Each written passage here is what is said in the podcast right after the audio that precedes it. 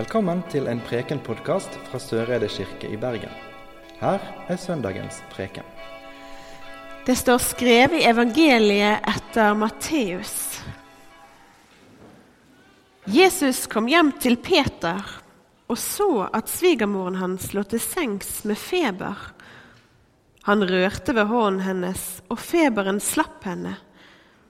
Hun sto opp og stelte for ham. Da det ble kveld, brakte de til ham mange som hadde onde ånder. Han drev åndene ut med ett ord og helbredet alle som var syke. Slik skulle det ordet oppfylles som er talt gjennom profeten Jesaja. Han tok bort våre plager og bar våre sykdommer. Slik lyder det hellige evangeliet. Vær så god, sitt.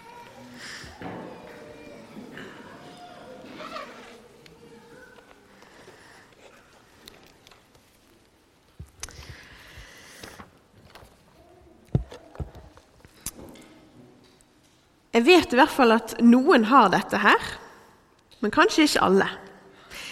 Men har du ei svigermor? Om du har ei svigermor, har du da et godt eller et dårlig forhold til henne? Vi vet jo at svigermødre kan være til stor glede og til besvær.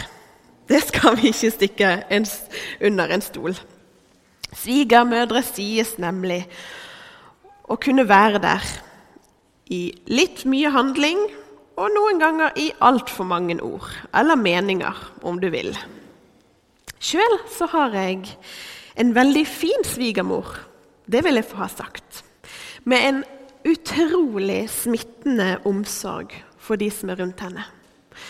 Og jeg må innrømme at jeg føler meg heldig med min svigermor. I dag så møter vi en annen svigermor. Vi kjenner ikke navnet hennes. Men det er hele tre av fire evangelier som nevner denne svigermoren her. Og Hun var svigermor til den velkjente disippel Simon Peter, som i den katolske kirke sies å være den første pave. Vi hører riktignok aldri om Peters kone. Det får meg til å tenke at svigermoren til Simon Peter hun må ha vært litt av en kvinne, som er den som dras frem for fortellingen og historien. Og Ikke bare var hun en fabelaktig kvinne, men det sies at hun også var en riktig god vertinne. Det er ikke så verst å starte serveringen til gjestene sine idet du har kommet ut av en febertokt. Konkret kjærlighet og omsorg i handling for dem rundt seg. Og nettopp dette er noe av det som gjør denne fortellingen ekstraordinær. Ja, Sett vekk fra at det handler om helbredelse, noe som i seg sjøl er svært spektakulært. Men det handler faktisk ikke om ord. Selv om svigermødre ofte kan ha mange ord og meninger. og Legg merke til at i denne fortellingen handler det ikke om ord. Jo visst formidles fortellingen gjennom ord, det må den jo, for på et eller annet vis må den jo komme frem. Men kun ett ord nevnes, står det. Det hele skjer gjennom små, enkle handlinger. Konkret og smittende omsorg. Og Hele prekenteksten består faktisk kun av syv setninger. Med et kompakt innhold så peker den heller vekk fra ordene som vi har lett for å fylle hverdagene våre med. Eller som vi kanskje tror at vi må fylle med for å kunne understreke eller, eller underbygge det vi vil frem til. Det står Jesus kom hjem til Peter og så at svigermoren hans lå til sengs med feber. På denne tiden her så var feber, uansett hva som forårsaket feberen, ganske alvorlig. Og disse få ordene som møter oss i denne teksten, så beskrives situasjonen. De er hjemme hos Peter. Det er sykdom i huset. Jesus er til stede, og han ser den syke. Det blir ikke utvekslet et ord, skal vi tro teksten. Men i stedet så rører Jesus ved svigermoren til Peter, som ligger syk. Og i det at han er til stede, ser henne og rører henne ved sin kjærlighet, så blir hun helbredet. Det står så. Hun står opp og stelte for ham. Enkelt og greit. Fortsatt uten et ord. Så setter altså Peters svigermor i gang med det som mennesker kanskje til alle tider har gjort. Hun står opp og steller for de som er på besøk. Hun vendte tilbake til sitt vanlige, alminnelige, hverdagslige liv. Men helt sikkert med en ekstra takk i sinne. Og hennes måte å vise takk på er å gjøre det hun kan best. Vise takk og omsorg i praktisk handling. Hun takket, hun handlet. Jesus blir trolig værende hjemme hos Peter og svigermoren. For det står videre Da det ble kveld, brakte de til ham mange som hadde onde ånder. Ryktet gikk fort, ikke bare i denne situasjonen, men også ofte ellers. Svært sjeldent får Jesus være alene. Der han var, der kom folk, med ulike behov og av ulike grunner. De trodde at Jesus kunne gjøre noe. At han ville se dem og bry seg om dem. Han så, han handlet.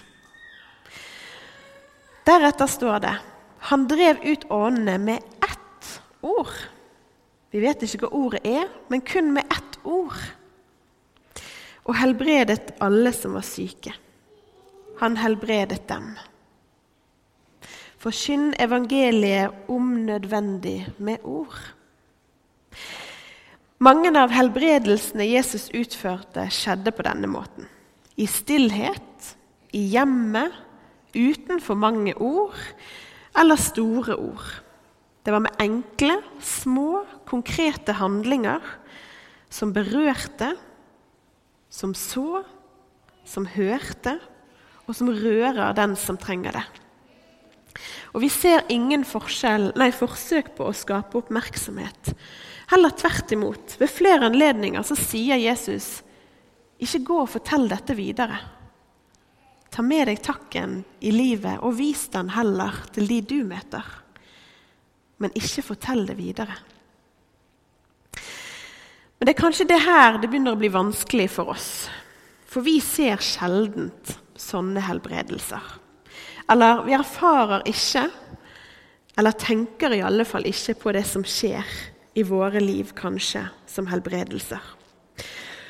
Og når vi heller ikke tenker om disse små handlingene som skjer, eller kanskje gjør vi det, jeg skal ikke si at alle tenker dette, men når vi ikke tenker om de små handlingene som skjer og berører oss i våre liv, som enkle, små helbredelser, hvor tenker vi da at Jesus er i dag?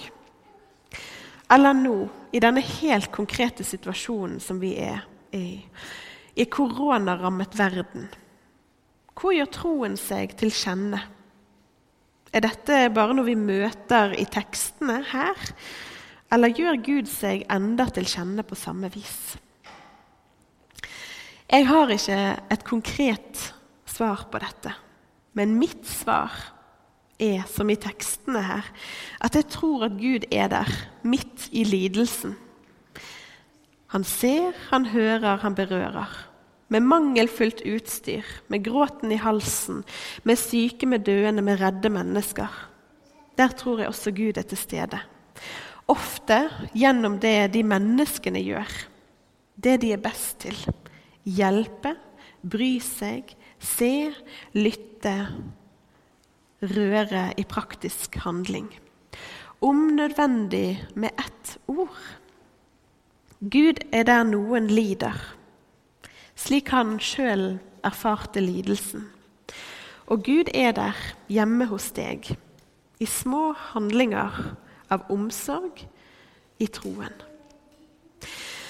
Jeg tror ofte vi glemmer det i en hverdag fylt av ord enten talte eller skrevne ord. For vi er ganske gode på ord. Det er så mye lettere å sende hverandre en melding, ønske hverandre god bedring, om det være seg i en tekstmelding eller en snap eller hvilken media vi nå bruker. Når det egentlig er nærhet, det å bli sett og hørt og berørt, vi trenger. Nå kan vi kanskje ikke besøke hverandre på samme måte i dag. Men hva med å komme med en hilsen på døren? Et par deilige norske epler. De er jo fantastisk gode om dagen. Eller kanskje hjelpe hverandre med en enkel tjeneste. Se, høre, berøre. Evangeliet som vi har fått i oppdrag, er å gi videre. Det, vi, det hørte vi fra dåpsbefalingen. Gå derfor og gjør alle folkeslag til disipler. Disiplene lærte disse konkrete, små, enkle tingene av Jesus. Jesus brydde seg og bryr seg. Dine og mine plager angår Gud. Vår oppgave er å gi omsorgen videre, så helbredelse kan skje. Evangeliet kommer til oss i dag uten mange og store ord, men inn i det enkle og hverdagslige. Og med bare 127 tegn sies det vi alle trenger å bli minnet på. Jesus kom hjem til Peter. Han så at svigermoren hans lå til sengs med feber. Han rørte ved hånden hennes, og feberen slapp. Også i dag så tror jeg at Gud kommer til oss gjennom våre hender og føtter. Konkret kjærlighet og omsorg i handling. Og midt i de nøkterne finner underne og miraklet sted. Om vi bare tør å se og lytte til dem. Sannelig, han tok bort våre plager og bar våre sykdommer. Ære være Faderen og Sønnen og Den hellige ånd, som var og er og blir en sann Gud fra evighet til evighet. Amen. Du har nå hørt en Preken-podkast fra Søreide kirke i Bergen. Vi samles til gudstjeneste hver onsdag og søndag, og har ellers arrangement for alle aldre. Følg oss gjerne på Facebook og Instagram, eller finn oss på kirken.no soreide. Takk for at du hørte på. Inntil vi høres igjen, ha en god uke.